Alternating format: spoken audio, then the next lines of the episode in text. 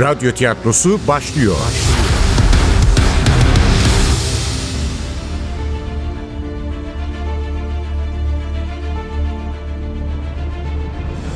Overlockçu Kız 7. Bölüm Eser Ahmet Ümit Seslendirenler Başkomiser Nevzat Nuri Gökaşan Ali Umut Tabak Yesari Sırmazade Cem Kurdoğlu Hasan Okçum Erkan Taşdöğen Efektör Cengiz Saral. Ses Teknisini Hamza Karataş. Yönetmen Ergun Göcen.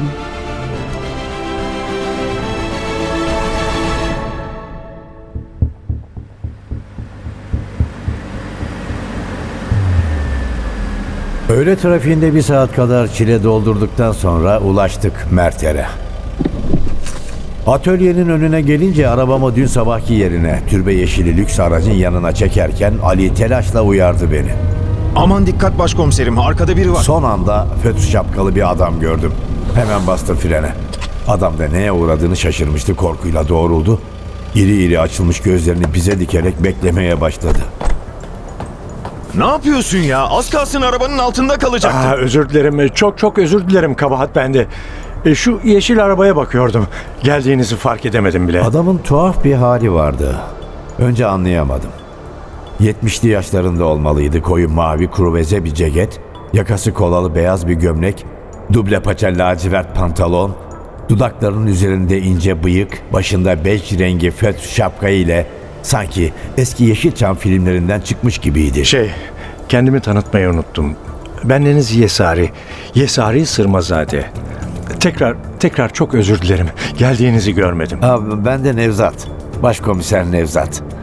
O da Ali, komiser Ali. Aa, trafikten değilsiniz herhalde. ne kadar da aptalım. Küçük bir kaza için bir başkomiserle komiserin buraya gelecek hali yok değil mi? Geçen gece ben çarpmıştım bu arabaya. Ne kadar zarar verdim diye bakıyordum.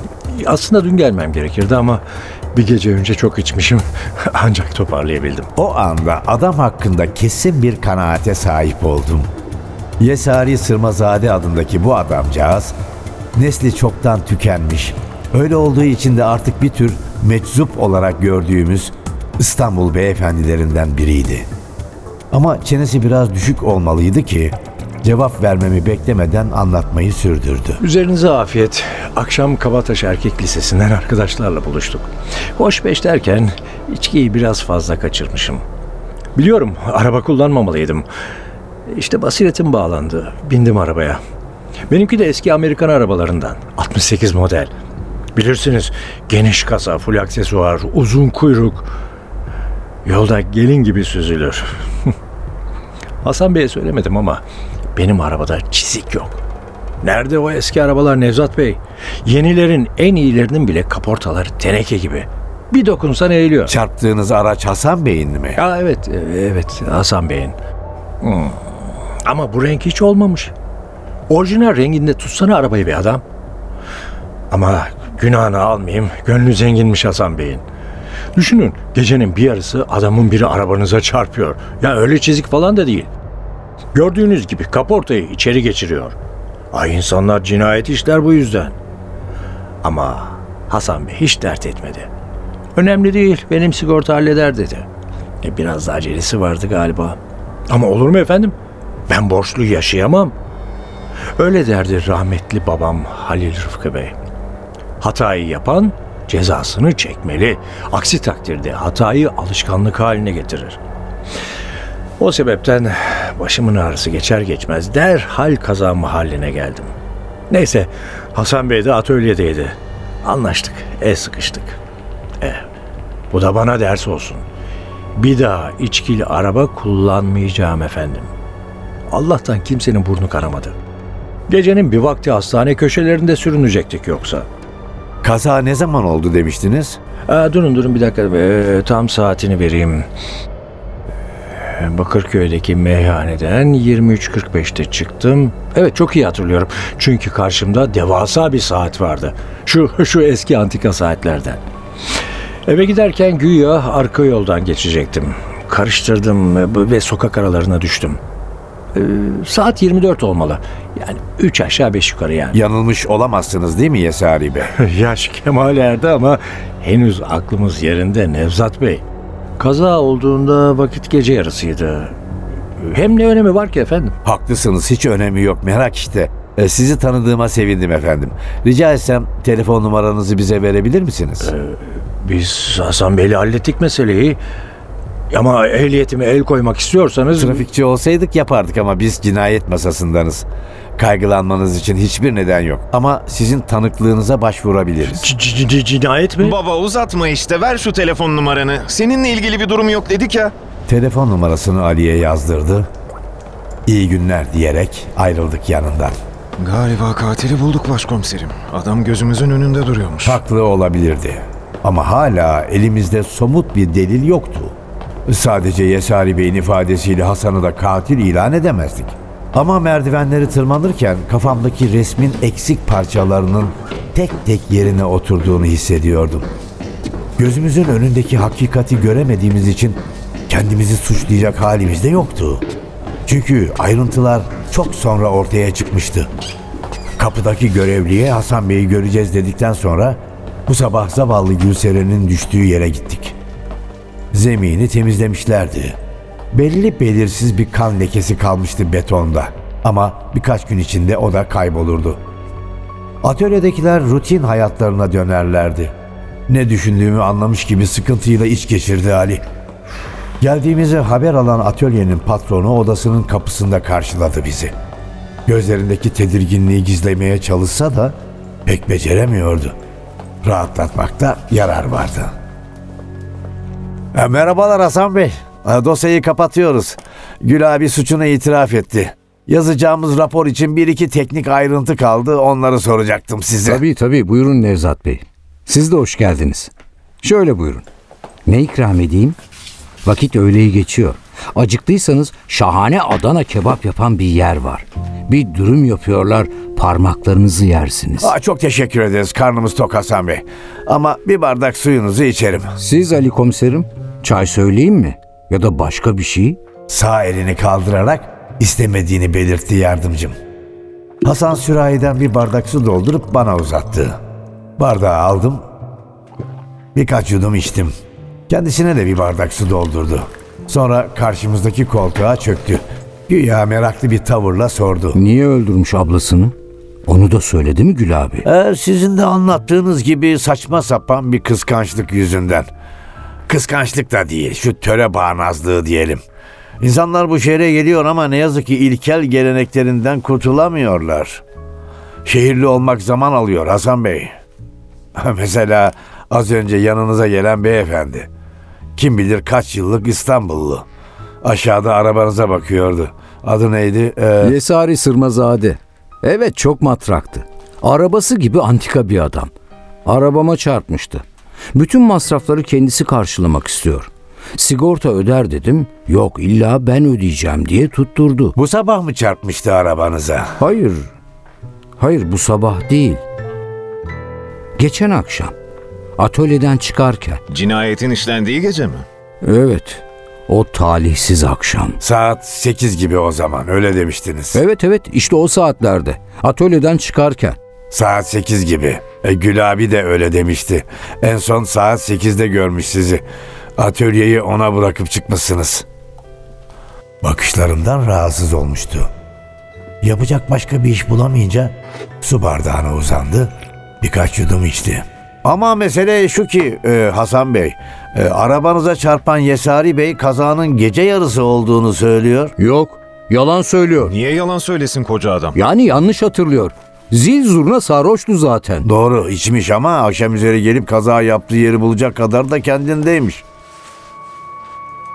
Artık inkar etmeyin Hasan Bey.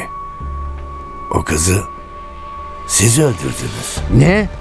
Ben kimseyi öldürmedim. Gül abi öldürmüş. Siz söylediniz ya töre için. Bakın Gül abinin uyuşturucu bağımlısı olduğunu biliyordunuz. Dolabına hapı siz koydunuz. Evet başka kimse koyamazdı. Çünkü anahtar bir sizde bir de Gül abide vardı. Sonra atölyedeki telefondan Gülseren'i aradınız, gece atölyeye çağırdınız. Uyuşturucuyu gören Gül abinin kendine hakim olamayacağını biliyordunuz. Nitekim öyle de oldu. Çocuk uyuşturucu madde aldıktan sonra kendinden geçti. Sonra da atölyeye gelen Gülseren'i kardeşinin bıçağıyla öldürdünüz. Güzel senaryo. Güzel değil ama gerçek. Kanlı bir gerçek. Sizin sebep olduğunuz kanlı ve korkunç bir gerçek. Büyük bir yanlış yapıyorsunuz. Gülseren'i neden öldüreyim ki? Çünkü onunla ilişkiye girmiştiniz. Dikkatli konuşun. Ben evli bir adamım. Üç de çocuğum var. Onu kızla ilişkiye girmeden önce düşünecektin Hasan Efendi. Ne biçim konuşuyorsunuz? Lütfen kendinize gelin. Sen kendine gel. Bir de utanmadan karşımıza geçmiş yalan söylüyorsun. Tamam Ali tamam. Bağırmana gerek yok. Her şey gün gibi ortada. Öyle değil mi Hasan Bey? Kızın güzelliğine dayanamadınız. İlişkiye girdiniz. Çok hoşunuza gitmişti. Kendinizi genç hissetmeye başladınız. Fakat büyük bir terslik oldu. Gülseren hamile kaldı. Çocuğu aldır dediniz yapmadı. Çünkü sizinle evlenmek istiyordu. Siz eşinizden boşanamazdınız. Çocuklarınızdan ayrılamazdınız. Öte yandan Gülseren'in ailesinden de çekiniyordunuz. Kan davasını biliyordunuz. Töreyi biliyordunuz. Sizi öldürmelerinden korktunuz. O yüzden acımasızca bıçakladınız kızı. Saçma. Düpedüz iftira. Elinizde hiçbir kanıt yok. Kafayı yemiş sarhoş bir adamın sözleriyle beni katil ilan edemezsiniz. Hiçbir hakim rıza göstermez buna.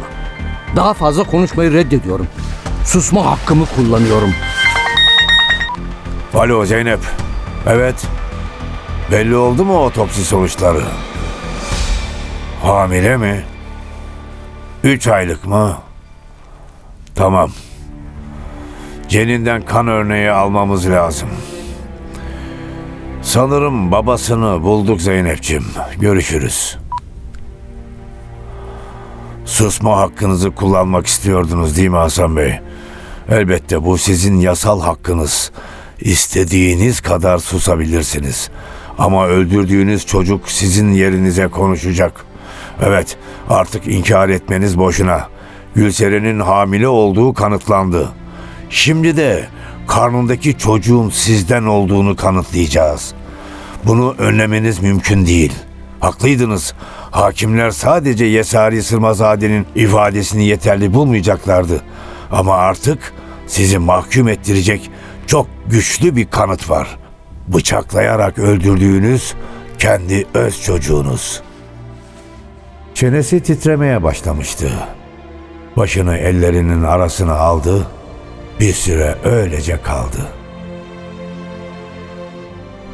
Beni o ayarttı Nevzat Bey. Beni Gülseren ayarttı.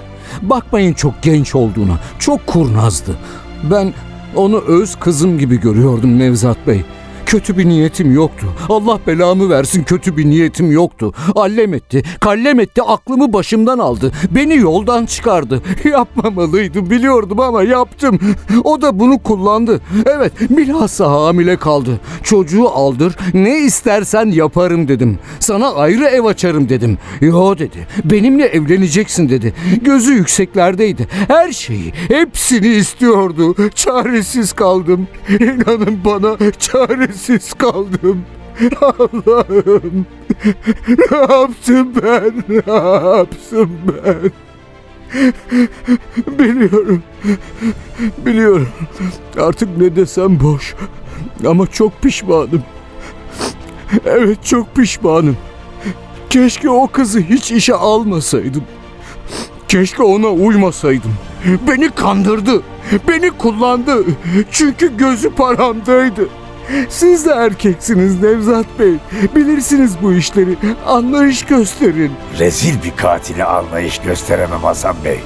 Başka anlarım, sevmeyi anlarım, insanların hata yapmasını da anlarım ama canavarlığı anlamam. İnsanların hayatını mahvetmeye rıza gösteremem. Kendinizi kurtarmak için gencecik bir kızı katlettiniz. Onunla birlikte kendi çocuğunuzu da öldürdünüz. Suçu da masum bir gencin üzerine yıkmaya kalktınız. Bir de utanmadan benden anlayış bekliyorsunuz. Yok Hasan Bey yok. Sizin gibi insanlara asla anlayış gösteremem. Cezanızı çekeceksiniz. Ama korkarım alacağınız ceza da bir işe yaramayacak. Alçaklığınız baki kalacak.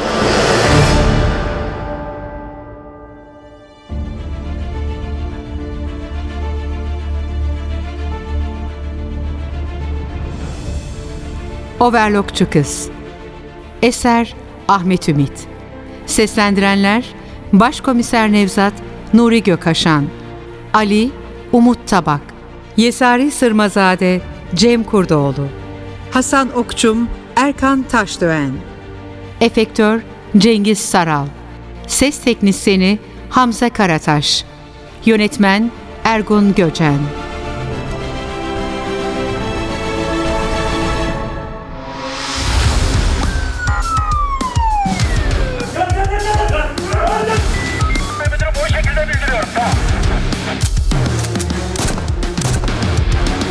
Radyo tiyatrosu sona erdi. Radyo tiyatrosu her cumartesi 11.30'da NTV Radyo'da. Kaçıranlar ve tekrar dinlemek isteyenler içinse ntvradio.com.tr'deki podcast sayfamızda.